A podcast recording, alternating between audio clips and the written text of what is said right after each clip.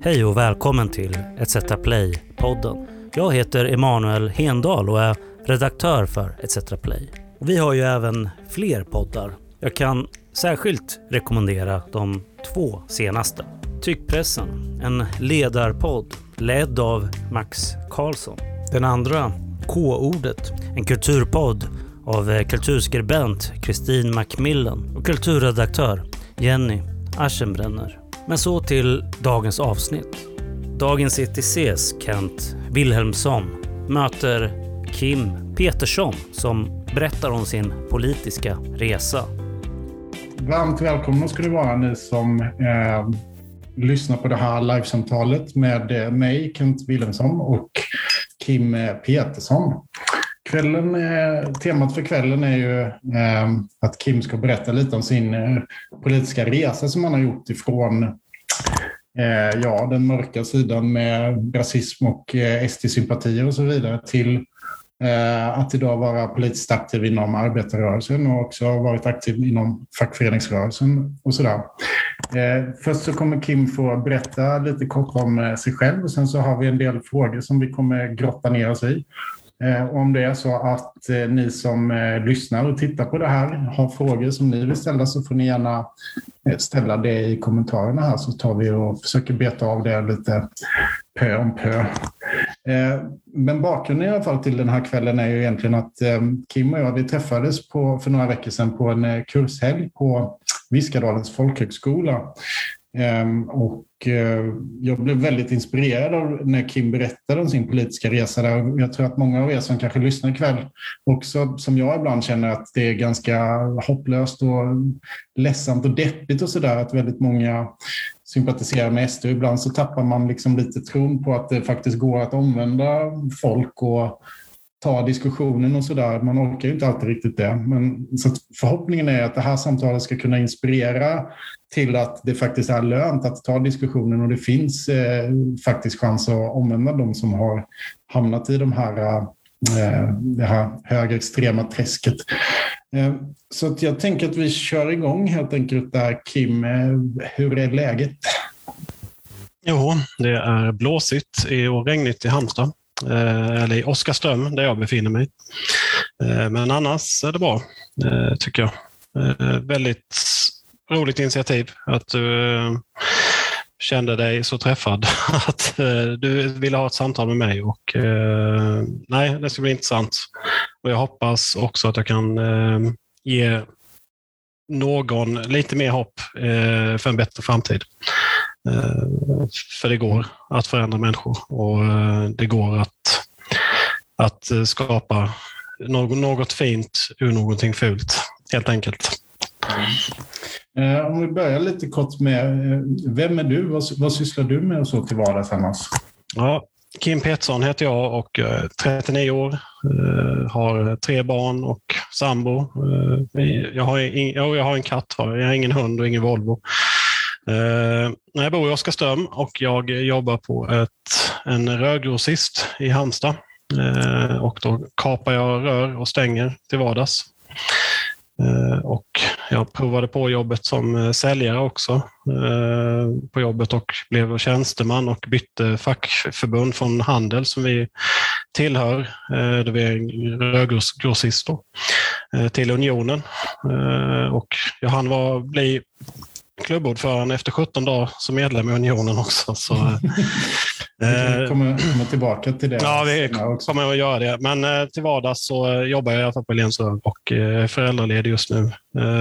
Men, och så har jag förtroendeuppdrag i Halmstad arbetarkommun. Då jag sitter som ledamot i räddningsnämnden i Halmstad kommun och är ordförande i Oskarströms socialdemokratiska förening. Ja, och det, det, är där du sitter nu också, förstår jag det, med den fina tavlan där bakom. Ja, ja precis. Jag tror inte... Eh, min sambo hade tyckt att ja, men sån konst behöver vi väl inte ha hemma. ja, jag tycker det är fint. Det känns tryggt. Här går det bra att ha sån konst. Ja. Eh, men du, jag tänkte vi, går rakt på sak här egentligen. Hur, hur kommer det sig att du eh, liksom, en gång i tiden då sympatiserade med SD och, och främlingsfientliga tankegods? Ja, alltså det, det finns väl inget lätt svar på den frågan egentligen så, men det var ju 2006 som jag begick min första politiska gärning och det var då valet som jag förespråkade Sverigedemokraternas politik. Eh, och anledningen var lite som eh, säkert många som har tittat på detta och som du säkert själv har hört att man vill röra om i grytan lite för de jäklarna uppe i Stockholm. För att man känner att det händer liksom ingenting nytt i politiken och eh, de här jäkla invandrarna som kommer hit, de, tar, de får ju massa bidrag, de får bara pengar och de får, gör, behöver inte göra någonting. Liksom. Eh, och skrönor har man ju hört väldigt mycket att, eh, om, invandrare just som, Eh, jag kommer ihåg en, en grej som var, jag växte upp i Hyltebruk i Hylte kommun. Och då var det någon som sa att ja, men det var en snubbe, han fick en eh, splitter ny EU-moppe först fick han en K50 men då ville han inte ha den och gick de och klagade gick hos kommunen så fick han en ny EU-moppe. Så gick man och trodde på det, liksom, att ja, det var säkert så. Mm. Men ingen hade ju träffat den här personen med den nya EU-moppen. Uh, hur var det liksom med, om man tänker eh, familj och sådär, fanns, fanns liksom, eller bland dina nära vänner, fanns det liknande liksom, sympatier där också? Eller? Ja, eh, just vid 2006. Om jag hoppar tillbaka egentligen till eh, flyktingkrisen 90-91 när, när det var Balkankriget och så, när det kom eh, väldigt många från Bosnien och, och Kosovo framför allt. Då. Så bodde jag i Torup i Hylte kommun och då var det jag, satt, jag kommer ihåg att jag satt hemma i köket i vår bruna soffa och min mamma, jag är ganska säker på att det var min mor i alla fall, som sa att Eh, det kommer flytta in en eh, flyktingfamilj på vårt område då och jag fick inte leka med barnen. Jag var 8-10 år gammal då, eller 8-9 år gammal då. Eh, och varför inte då? Nej, du kan inte lita på dem. Håll dig borta från dem. Du vet ju inte vad det är för, för personer. Liksom. Och det påverkar, alltså det, nu i vuxen ålder, jag har granskat mig själv väldigt hårt under väldigt lång tid. Med så har jag insett att jag har påverkats av det indirekt. Då. För jag träffade så, så småningom de här barnen eh, och när jag var med en kompis eh, utanför hans hus. Och då, eh, då ja, började jag ställa mig som i ett handgemängsläge. Nu jäklar ska vi slåss. Liksom. Nu kommer de, måste jag skydda mig. Jag vet inte varför egentligen. Eh, jag gillade ju kampsportsfilmer och sånt här när man var liten, liksom 8-9 år gammal och tyckte det var häftigt. Uh, men jag försökte vara lite tuff uh, och vi stod och pratade på svengelska och skildes väl inte åt som vänner utan vi var nog förvirrade allihopa. Mm. Men när vi väl gick in till min kompis då, så hade hans pappa sett oss. och han var en sån här riktigt grov gubbe. Liksom, en riktig basröst. Det kändes verkligen som ett tryck i bröstet när han pratade. Eh, och så frågade han om vi bråkade med invandrarbarnen. Eh, och jag vågade knappt svara, utan det var mer att ja, ja jo, det gjorde vi. Och så fick jag en klapp på axeln. Bra, visa vem det är som bestämmer.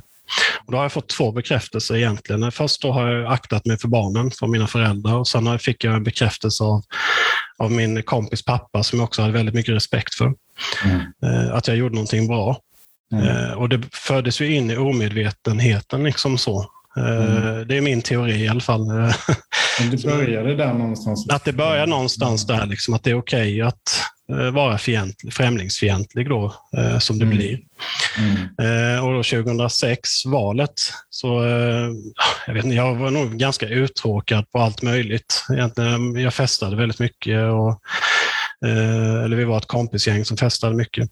Och så kom just valet och så började man prata just om eh, de här jäkla invandrarna som får massa bidrag och de behöver inte göra någonting. Och här händer ju ingenting i Hyltebruk liksom och det är skittråkigt och, och så då. Eh, så istället för att rösta blankt då så tänkte man att det är bättre att rösta på Sverigedemokraterna då, så att man rör om i grytan så att man verkligen visar ett missnöje. Eh, så det gjorde ju vi, eh, jag och några kompisar till främst en som jag umgicks med. Men han var mer tystlåten än vad jag var. För jag märkte just att jag har alltid haft dåligt självförtroende och dålig självkänsla under min uppväxt. Jag ville ju alltid vara någon, så jag försökte hela tiden passa in i, eh, mm. bland mina olika vänner. Jag hade olika grupp, grupperingar, eller vad man ska kalla det med vänner. Då. Så jag kunde hänga med punkare, ena stunden var antirasist och sen kunde jag hänga med en annan kompis som också hade nazistiska vänner och eh, tycka som dem. Inte allting höll jag inte med om, men jag kunde ändå acceptera dem. Liksom. Mm. Så när jag gick runt och, och sa, när folk frågade vad jag ska rösta på, så svarade jag stolt att nej, jag ska rösta på Sverigedemokraterna. Och hur liksom, för att, alltså runt 2006 där, då var det ändå, alltså idag skäms ju folk inte det minsta för att man röstar på Sverigedemokraterna, men, men, men då var det ju ändå liksom lite skam, skamset nästan, men, men du, var, du var stolt. Eh. Ja, eh, och jag var egentligen, jag tror, nu vet jag inte exakt varför, men jag, jag tror mycket handlade om att folk lyssnade på mig när jag eh, pratade om att jag skulle rösta på Sverigedemokraterna. Många, eh, jag stötte på många som uttryckte direkt och hoppade på mig att jag var rasist och, och så vidare. Då. Men istället för att jag tänkte att det var rasistiskt så kunde jag kontra med att det är ju inte rasistiskt att vilja ta hand om oss själva först. Så det var argumentet, att vi har invandring och vi har skolan. Det är bara de två valen vi ska välja mellan. Eh, mm.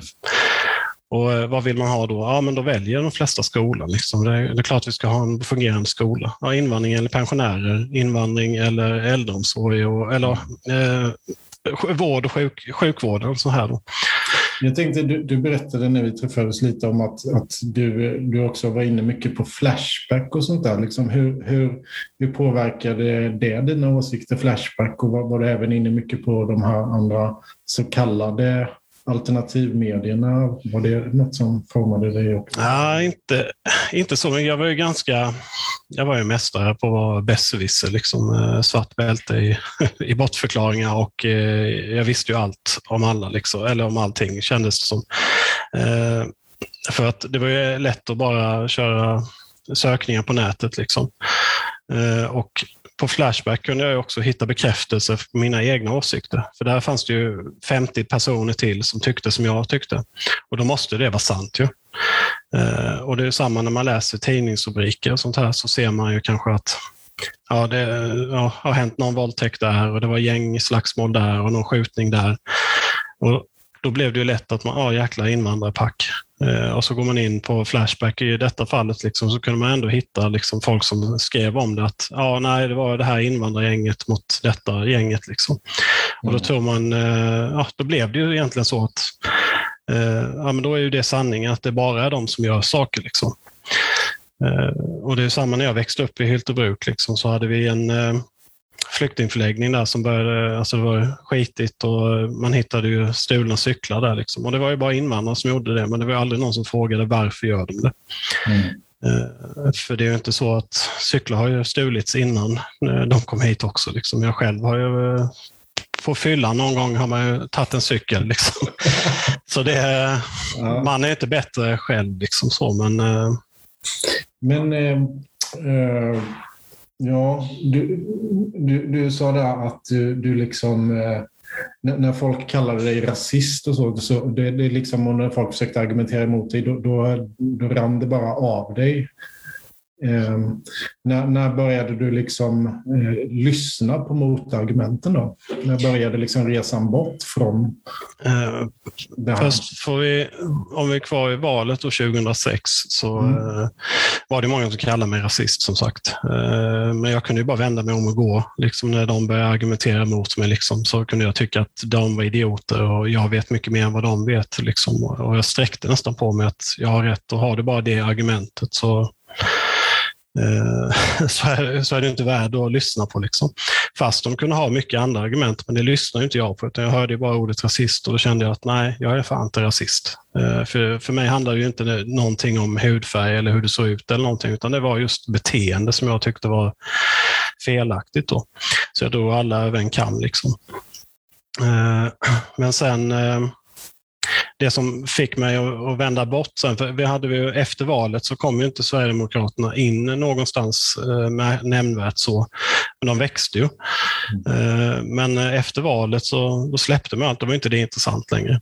Eh, och då brydde jag mig inte lika mycket heller om det. Liksom. Men tendenser och sånt här, att jag kunde tänka ibland att det var jäkla invandrare som har eh, gjorde ett eh, knivdåd där, eller någonting man läser på nyheterna eller ser på nyheter eller något sånt. Mm. Eh, men eh, vändningen för mig, som det jag verkligen började ifrågasätta mig själv, det började ju när jag träffade en, en tjej som jag blev sambo med ganska fort och och hon, hon började ju, om vi hoppar fram väldigt snabbt, så började, det var ju valet 2010 där till exempel. Det började först och främst med om jag var med i facket. så frågade hon lite och sa nej, det är jag inte, för det behövs inte på min arbetsplats. För de har aldrig sagt upp någon och vi har bonus och vi har jättehöga löner och det är alltid frid och fröjd. Liksom. Mm. Nej, men a-kassan är väl med Nej, de har aldrig sagt upp någon och det är tryggt och bra. Liksom. Men det vet la fan inte du, Kim. Vad som händer imorgon och så. Så ska du leva på socialen då? Eller? Nej, men jag, det är väl bäst jag går med i facket. Och I och med att vi blev med eh, sambos väldigt fort så kunde inte jag vända ryggen till henne när hon argumenterade mot mig som jag kunnat göra mot andra. Liksom. Eh, och så var det ju en person man älskar också. Eh, så då, då, då blir det lite fel om man vänder ryggen till det. Mm. Eh, men, men så var det en gång vi diskuterade teater som var hennes stora grej i livet. Och hon berättade för mig hur man bygger upp en scen och får en bra stämning. Liksom. Och, ja, så att man förmedlar ut känsla och så här. Och hon pratade på och pratade på. Och jag gör som många män gör tyvärr. Man sitter och lyssnar på att kunna svara och man lyssnar inte för att kunna förstå. Så när hon var färdig så jag bara, ja, jag hör vad du säger, men eh, det här skulle man kunna göra också. Och då exploderade hon och ifrågasatte hur jag kan säga så. Eh, och eh, ja, då fick jag mig rejält hörn, så sett. Och sen eh, började hon ju tröttna på att jag var en riktig besserwisser, så hon började ju ifrågasätta allting. Hur vet du att det är så då?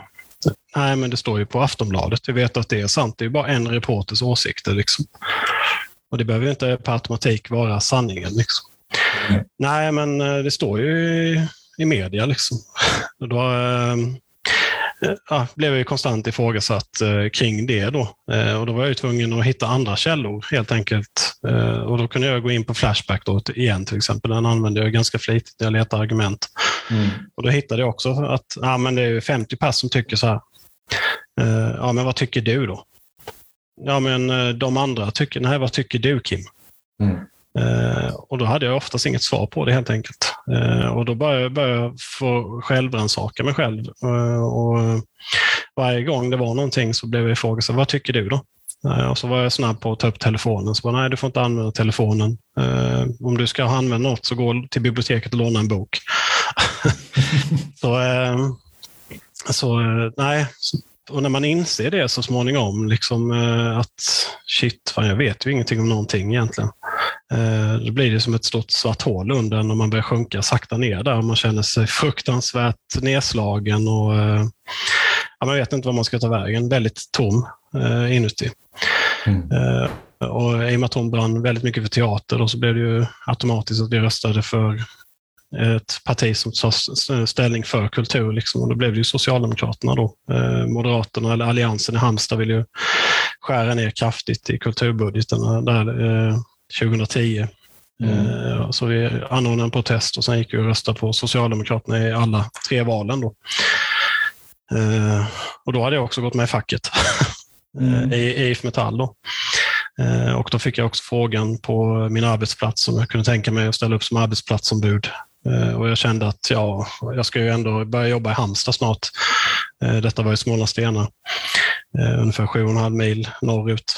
Så tänkte jag att ja, men det kan vara kul att jävlas lite med arbetsgivaren och, och eh, sätta upp lite ny information på tavlan och sånt här som vi hade.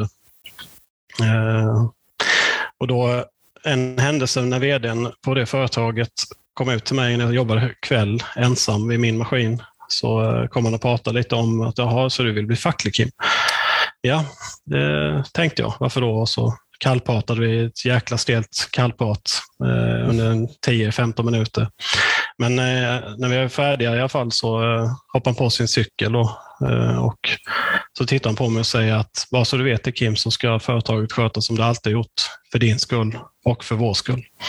Så där fick jag mitt första förtäckta hot och då började jag fundera lite på vad jag gett mig in på. Eh, så där började väl egentligen min fackliga bana väldigt mycket. Eh, egentligen. Du berättade också att, att du fick gå någon sorts eh, facklig introduktionskurs också som fick dig att tänka till lite. Ja, eh, detta var ju 2013 som jag gick den. Eh, en facklig grundkurs, eh, förtroendevård hette den då för IF Metall. Nu heter ju den Agera, den kursen, en, eh, en längre sammanslagen kurs eller så här då för, för förtroendevalda. Eh, men det började ju egentligen med att jag startade fackklubb på eh, min arbetsplats som hade över 200 anställda, aldrig haft en fackklubb innan och det blev ju ett helvete i sig när jag gjorde det, för man förstod inte vad en fackklubb skulle göra. Det förstod knappt jag själv heller och jag lyckades till och med bli ordförande för den, lite ofrivilligt. Men till slut så fick vi kämpa för att få gå kurser i alla fall. Och när det kom igenom så gick jag just på en förtroendevalskurs då, eh, Det där vi gick igenom fackets historia och arbetarrörelsen och eh, från staten liksom 1850-talet på industrialiseringen i Sverige och, och eh, rösträtten och för kvinnor liksom 1919 och, och när det trädde i kraft och allting där och vi, att vi har drivit på det, eller fackföreningsrörelserna har varit en stor stark spelare i det då.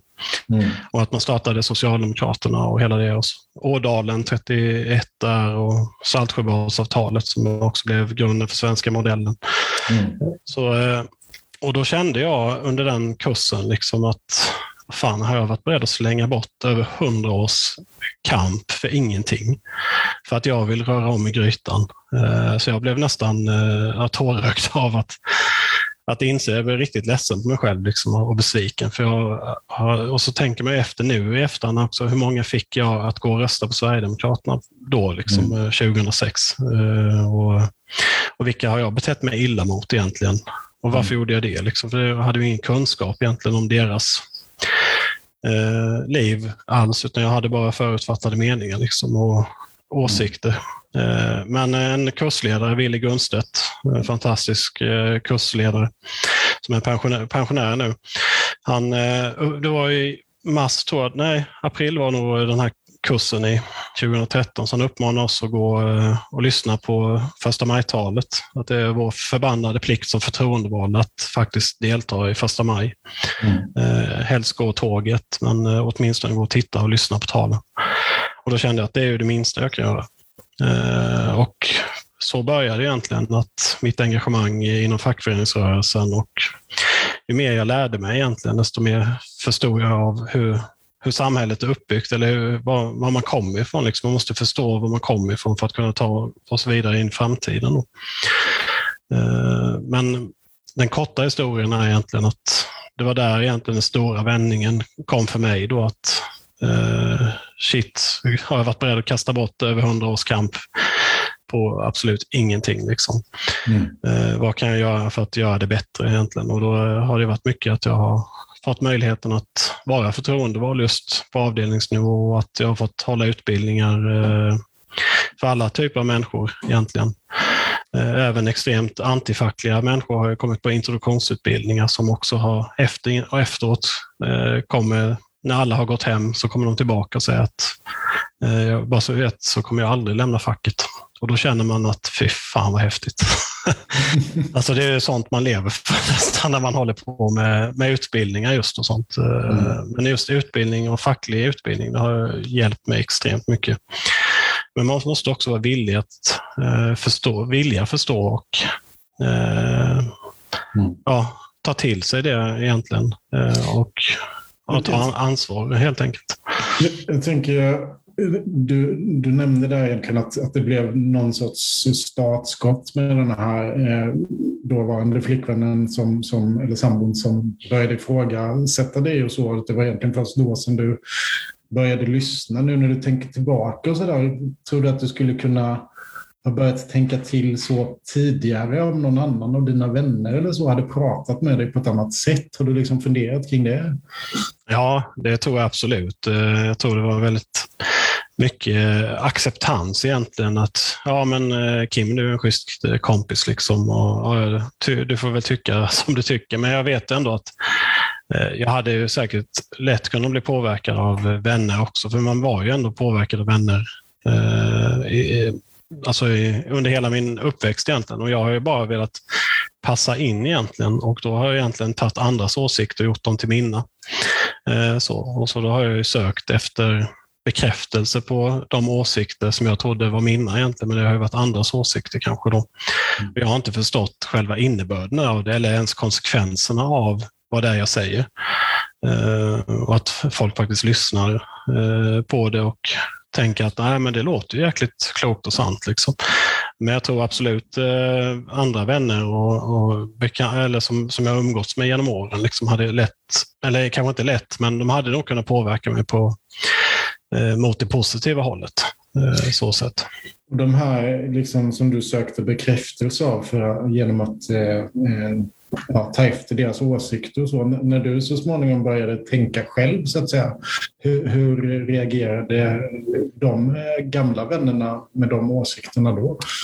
Eh, vissa har ju tagit avstånd helt eh, egentligen. Eh, och jag har ingen kontakt egentligen med, med många eh, utav dem jag umgicks med förr och pratade mycket med. Eh, och sen har jag fått mer kontakt med andra istället som jag kanske inte pratat så mycket med då heller. Eh, samtidigt så är det också att man eh, eh, man växer ifrån varandra också. Kanske. Man har ju inte samma livsmål kanske som man hade när man umgicks som mest heller kanske och man, man är inte på samma steg i kunskapstrappan om man ska ta någon liknelse eller så, så att man, man känner att jag får nog inte ut mer av det jag behöver kanske just då så att man går upp. Men det betyder inte att man ska ta bort en vänskap så sett, utan man eh, har väl varit att eh, folk slutar höra av sig och sånt här också. Eh, men sen nu har inte jag varit bättre heller, eller jag har ju också slutat höra av mig också på det sättet, så det har blivit något, något limboläge där kanske. Men vissa har, eh, har ju tagit bort mig som vän på Facebook till exempel. Och, mm. och sånt. Då när jag började ifrågasätta vad de menar egentligen mm. Eh, med det de delar och skriver och sånt här också. Då. Mm. När jag helt, helt, plötsligt blev väldigt, väldigt sossig som de tyckte att jag hade blivit. mm. eh, men hur, hur, började, började liksom resan sen ifrån den här fackliga introduktionskursen och eh, uppvaknandet, om man ska säga. Du fick lära dig om arbetarrörelsens historia och det där. Hur, hur gick resan vidare sen efter första maj-demonstrationen in, in i partipolitiken? Ja, det var lite eh, svårt för jag ville ju in i engagera mig eh, politiskt. Eh, och då fick jag lite kalla handen av eh, ett tidigare kommunråd eh, som jag frågade hur ska jag göra för att Eh, komma bli medlem. Liksom. Eh, för jag hade ju också hört på kurser liksom, att engagera er politiskt om ni vill förändra samhället. Och eh, Socialdemokraterna är ju de som står närmast, liksom, för det är ju de vi har skapat en gång i tiden för att påverka politiskt. Då. Och då blev jag förbannad när jag fick det svaret att ta du hand om din dotter istället. och då tänkte jag, vad i helvete står du och säger? Men jag lät det gå något år och då pratade jag ändå med, jag har släkt också som är väldigt engagerade politiskt, så jag pratade lite med dem och de hade ju svårt att tro att jag hade fått höra det så då. Eh, att jag ska mm. ta hand om min dotter istället för att engagera mig. Eh, och andra tyckte att jag skulle engagera mig i SSU. Eh, men då kände jag att nej, alltså nu börjar jag närma mig, jag blir 30-plussare. Liksom, så, bara jag kan engagera mig någonstans och göra skillnad, tänkte jag. Mm. Men sen tänkte jag att nej, men jag får väl börja med att gå med. Gå in på Socialdemokraternas hemsida och gå med i online då. Eh, och så blev jag tilldelad min förening och då var det IF Metalls S-förening, S-fackklubb i Halmstad.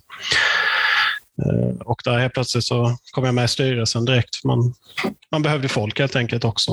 Eh, och även i Oskarströms S-förening där jag, där jag bor och är verksam så det blev ju naturligt då. Jag kom med i styrelsen där 2015 och har suttit med där sedan dess och varit ordförande nu i tre år eh, blir nog, eller fyra år är det nog. Mm. Eh, och eh, Eh, 2015 så fick jag också ett uppdrag eh, hos, eller, i arbetarkommunen. Eh, jag kom med där som ersättare i Halmstad arbetarkommuns styrelse och byggnadsnämnden som ersättare. Hur, vi fick en publikfråga här, ursäkta att jag avbryter. Jajamän. Hur, hur, eh, när, du blev, när du bytte där och blev eh, fackligt aktiv och sen partipolitiskt aktiv inom Socialdemokraterna. Hur, hur reagerade din, eh, din familj och så eh, på det? Som du nämnde tidigare där, att det fanns en del, ja, akta dig för, för invandrarna var det någon som sa. Ja, det först. Jag höll en eh, föreläsning eh, 2015 tror jag. Ja, jo, det måste ha varit 2015 tror jag. Eh, på Socialistiskt forum i Halmstad, då, för arbetarkommunen eh, Halmstad. Då. Det berättade om min resa och den har utvecklats ganska kraftigt jämfört med då.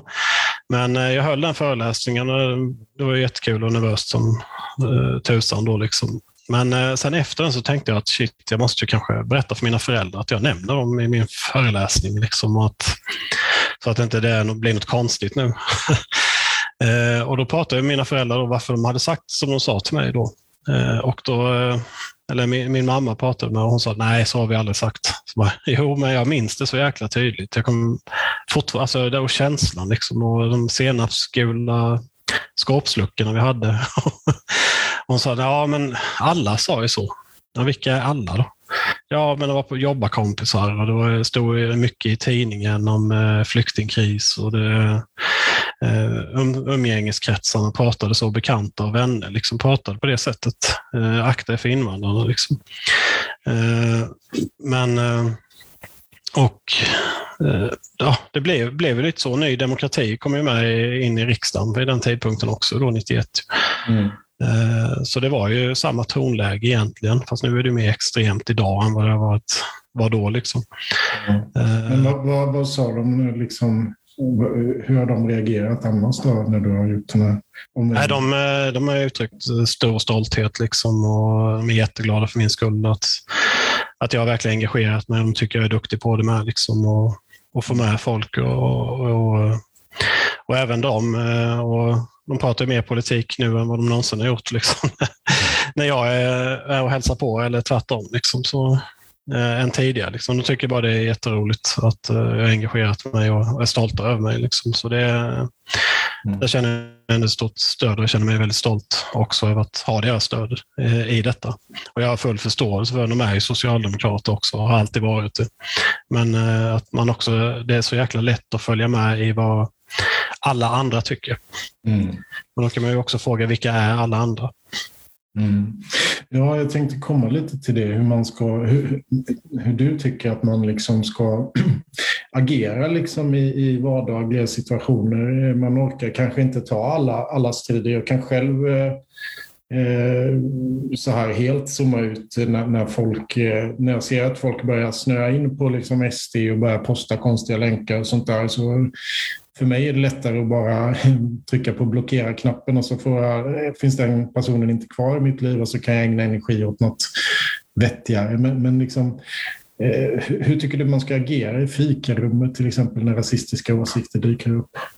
Nej, alltså det, det är ju jättesvårt egentligen, för man, man måste ju läsa av situationen. vad har man för jargong på sin arbetsplats? Vad har man varit tillåtande tidigare? Men någon gång får man också känna att nu är det nog. Liksom.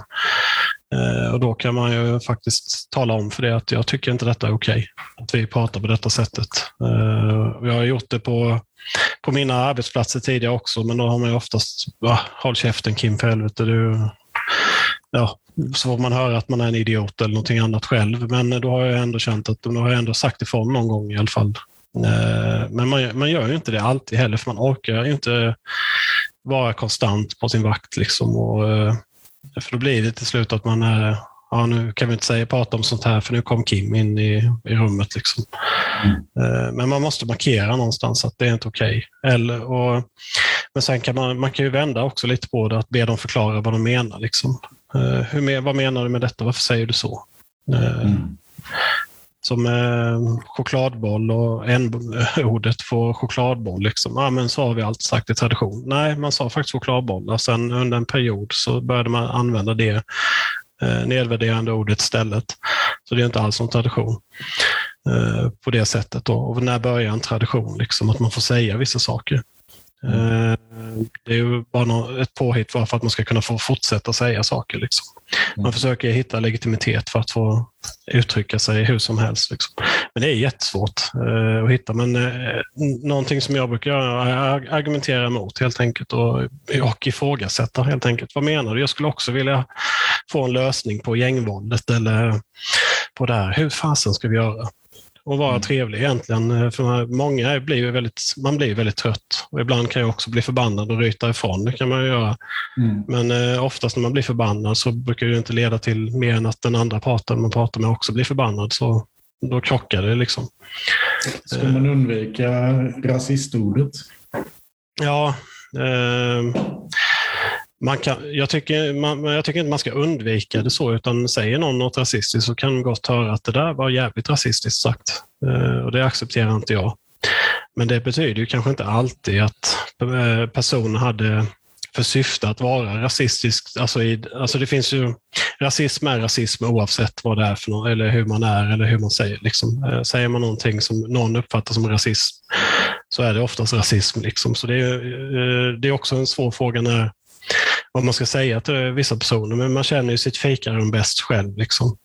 Eh, hur man ska hantera människor och, eh, och varandra helt enkelt. Men jag tycker att man eh, måste försöka vara överens i sitt fikarum att man ska behandla varandra med respekt.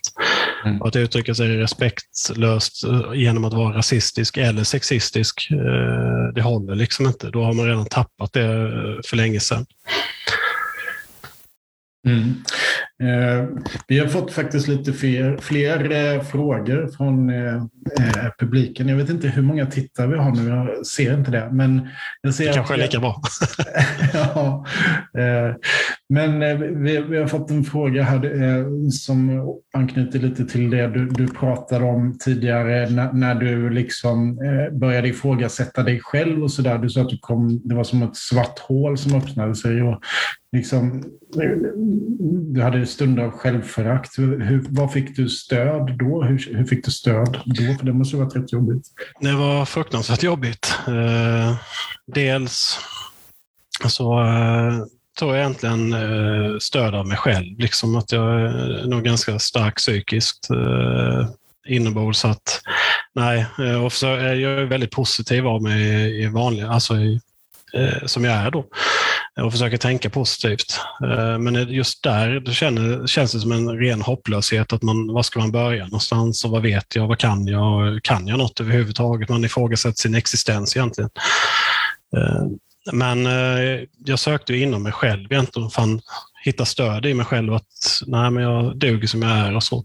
Sen var ju IF Metall var ju en, en räddning för mig också. För då när jag började engagera mig och jag hade ju åsikter kring eh, arbetsplatser och hur man, eh, hur man kanske kan göra istället. Eh, hur cheferna kanske skulle kunna tänka, eller bör tänka när de pratar med en anställd till exempel. Att man kan inte bara komma dit och vråla en rakt i örat, liksom, att man har gjort något fel, utan att man får göra det med lite finess. Liksom. Eh, och eh, genom utbildning egentligen på IF Metall och de handledare handledarna jag har haft. Jag har haft tur och har haft riktigt bra handledare på just eh, under IF Metall-tiden. Eh, men också en kamrat som som blev, han var regionalt skyddsombud när vi träffades, som, som hjälpte mig att dra igång en fackklubb på min förra arbetsplats. Då. Bessie Matoshi. Som jag ser som en, han är en stor förebild för mig. Liksom, för han, han har också ut, han utmanade mig fruktansvärt mycket. Han blev ju avdelningsordförande för IF Metall Väst Eh, och jag kom in också som eh, in i verksamhetsgruppen man hade på den avdelningen eh, och fick hålla utbildning och sånt här. Och han var med väldigt, väldigt mycket som ett stöd och ett bollplank åt mig när jag höll utbildningar till exempel och pushade mig att bli bättre. Och när vi hade en genomgång efter utbildningen så var det inte jävla bra jobbat Kim, du var så duktig, utan då fick jag verkligen höra. Han var fruktansvärt brutalt ärlig över att tänk på det här och det här, för när du säger så så blir det så här och då tänker de så här konsekvenser och så bla bla bla. Och så kan jag ju bli förbannad liksom, tänka, jag, men så var det inte alls. men sen någon dag senare, liksom, när man låter det sjunka in och så inser man att fan, han har ju verkligen rätt. Mm. Eh, och jag, han, jag har ju alltid kunnat ringa till honom och kan ringa till honom nu också känner jag ju. Eh, och, och det har ju har ju varit ett jättestöd för mig också att jag kan prata med honom och det räcker att han säger vissa saker så sitter jag och klurar på det väldigt länge kanske och sen pratar jag lite mer, mer med honom också. Och då märker ju han att, att jag tar till mig det också så man, och han är väldigt ärlig med det också. Uh, att, uh, mycket självinsikt liksom att shit, jag börjar nog tänka på det här och, och tänka så här också. Mm. Och därför är det också viktigt, tycker jag, att man också kan be om ursäkt. Att det är, det är verkligen en stor styrka att man vågar ändra sig också, och vågar ändra åsikt när man fått ny information och, och även fakta. Då. Mm. Så det, nej, han har varit väldigt stöd och IF Metall överlag har varit väldigt, de människorna jag har varit i kontakt med då. Så, mm. så det har jag haft bollplank. Ja. Eh, jag tänker vi ska snart börja avrunda. Om det är någon som eh, lyssnar där ute som har fler frågor så får ni gärna passa på att ställa dem eh, nu. Jag tänkte kolla Kim, är det några fler luckor tänker du i den här politiska resan du har gjort som du vill fylla i här innan vi går vidare med ja, de avslutande frågorna? Kan vi sitta här tills imorgon? Så, nej, alltså, jag, jag, alltså det är ju varje människa har ju en resa liksom, och sitt bagage. Eh, och det viktigaste, alltså, det är flyktingkris i världen liksom, och invandrarna är ju inte problemet, utan det är våra åsikter egentligen som är ett stort jäkla problem, tycker jag. Att vi inte skapar förståelse för andra människor. Helt enkelt, vi ser alla som främlingar och då blir man främlingsfientlig. Och det är, alltså det är något som jag tror min åsikt att det går tillbaka fruktansvärt lång tid tillbaka. Alltså i människans begynnelse egentligen. Att kommer någon in till våran lilla lägerplats, liksom, eh, vad vill du och vad har du för syfte liksom, med att vara här? Att man är på sin vakt. Liksom. Eh, eh, men nu har vi inte vår lägerplats och en cirkel runt, utan nu har vi små fyrkanter och Facebook. Liksom. Och nu idag känner jag att man, får, man får ju nyheter från allting, alla appar och man kan välja vilka nyheter man vill se. Om man ser på Facebook att någonting har hänt och någon misshandel där och nu ser jag skjutningar i Malmö och jag ser våldtäkter i Kiruna och hela allt däremellan. Liksom. Och så är det någon som skriver någonting om att det var invandrare som var problemet där och då drar man den parallellen helt enkelt. Nu får man ju nyheter från hela världen egentligen eh, och hela landet. Eh, och jag tror inte vi kan klara av att hantera den informationen eh, heller. Så vi skapar förutfattade meningar helt enkelt kring invandrare. Liksom. Jag bodde ju med en höjde en, en övervåning hos en äldre dam som också hade två syrier. Varav den ena då undrade var, var man kunde köpa en pistol. Eh, för han behövde ha det som ett skydd. Eh, och då undrade vi eh, liksom, vad fan snackar de Du får inte bära pistol i Sverige. Liksom. Du ringer polisen om det skulle vara någonting. Då blev han ännu mer skraj för han, hade ju, han var ju livrädd för polisen. Mm. Och sen, men kniv då? Nej, vi har knivlag i Sverige, du får inte bära kniv. Men det var ju vad han kom från Syrien, liksom, korrupt, eh, korrupta poliser. Han berättade om, om det han har varit med om och det är hans ryggsäck. Men vi tar inte hänsyn till det riktigt, att vi har människor från andra länder och som har andra kulturer och har växt upp eh, under andra premisser än vad vi har gjort. Men vi, det känns ibland som att vi bara tänker att ja, men kommer man hit så ska man banne med följa svenska seder och man ska veta allting redan. Liksom. Men de har sin ryggsäck och vi har vår ryggsäck. Eh, ibland, och vi får hjälpa till, alla medborgare. Alltså, det är inte bara regeringen som är skyldig till att integrera människor, utan jag anser att alla människor eh, i samhället är skyldiga att hjälpa till och integrera varandra. Eh, speciellt nyanlända. För att det ska funka. Liksom. Och det är en trygghet för dem också att känna, kunna känna så. Liksom, att eh, vi ska kunna visa dem hur saker och ting funkar. Liksom. Eh, så det är väl ett kort, halvlångt eh, medskick så sett. Men eh, ja, jag, jag tänker lite så i alla fall. Mm. Eh, jag tänkte avslutningsvis då, eh, om du får ge ett råd Eh, Eh, till någon som eh, jag till exempel, som börjar ge upp hoppet om att ens orka ta diskussionen med eh, rasister och SD-sympatisörer. Vad, vad, skulle det vara för råd? Eh, ja, det var väl som också, som, som jag nämnde när vi pratade, att jag känner en politisk depression emellanåt. som också spelar in lite i samhälls, eh, klimatet egentligen, hur vi pratar med varandra och sånt här. Och jag kan också tycka att det är fruktansvärt jobbigt ibland och jag vill bara stänga av och äh, nu skiter jag alla mina eh, intressen eller att jag vill göra Sverige och världen bättre, liksom, eh, mitt engagemang. För man blir väldigt trött. Eh, så det håller jag med om. Jag förstår det, liksom, att det är fruktansvärt mycket man läser och man hör.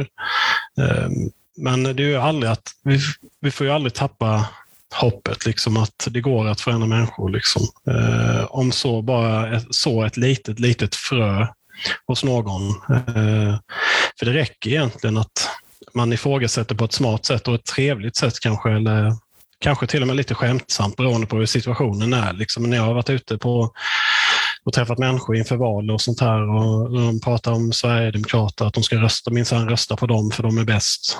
Eh, så ber jag dem förklara vad de menar. Liksom. Eh, kan du förklara för mig, för jag förstår inte vad du menar.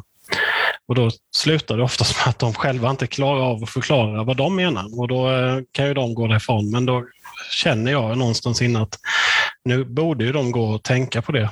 Mm. Eh, att han kanske har rätt någonstans. Så det är väl egentligen att inte förlora hoppet och att stänga av eh, emellanåt och eh, sluta engagera dig i vad de skriver emellanåt och investera i dig själv med kunskap egentligen. Och, eh, och ifrågasätta dig själv lite. Varför tycker jag som jag tycker och varför, varför gör jag som jag gör? Helt enkelt, finns det någonting som jag kanske behöver ändra på eller någonting så att man känner sig tryggare och starkare i sig själv. För det är mycket lättare att diskutera och argumentera för sin sak om man känner att man har en stark trygghet i den. Liksom. Eh, om ni förstår vad jag menar. Mm. Eh, så det är väl, om det ska vara ett råd så är det så är det nog det som jag vill skicka med egentligen. Att ifrågasätta lite varför gör vi det vi gör och varför tycker jag som jag tycker. Och, eh, och de typer av tankar helt enkelt. Och mm. ifrågasätt mycket. Eh, och be om ett svar. Så små frön av tvivel hos eh, de här personerna. Ja, alltså det finns ju fakta och allting, men oftast är man faktaresistent om man söker enbart efter sin egna eller bekräftelse på sina egna åsikter oftast. Eh, men eh, om man kan vässa det lite till eh, faktaargumenten, eller just att man skapar en känsla när man argumenterar eller pratar med någon. Liksom.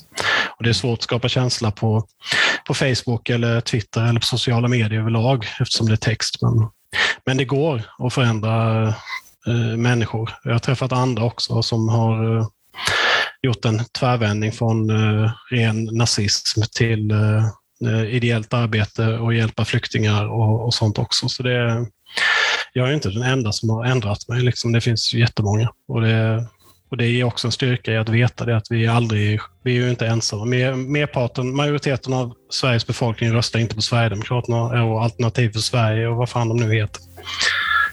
Eh, så det, det ska vi också bära med oss. Mm. Kim, stort eh, tack för att du tog dig tid här ikväll. Ja, stort tack. Tack Kent och tack Kim för ert intressanta samtal.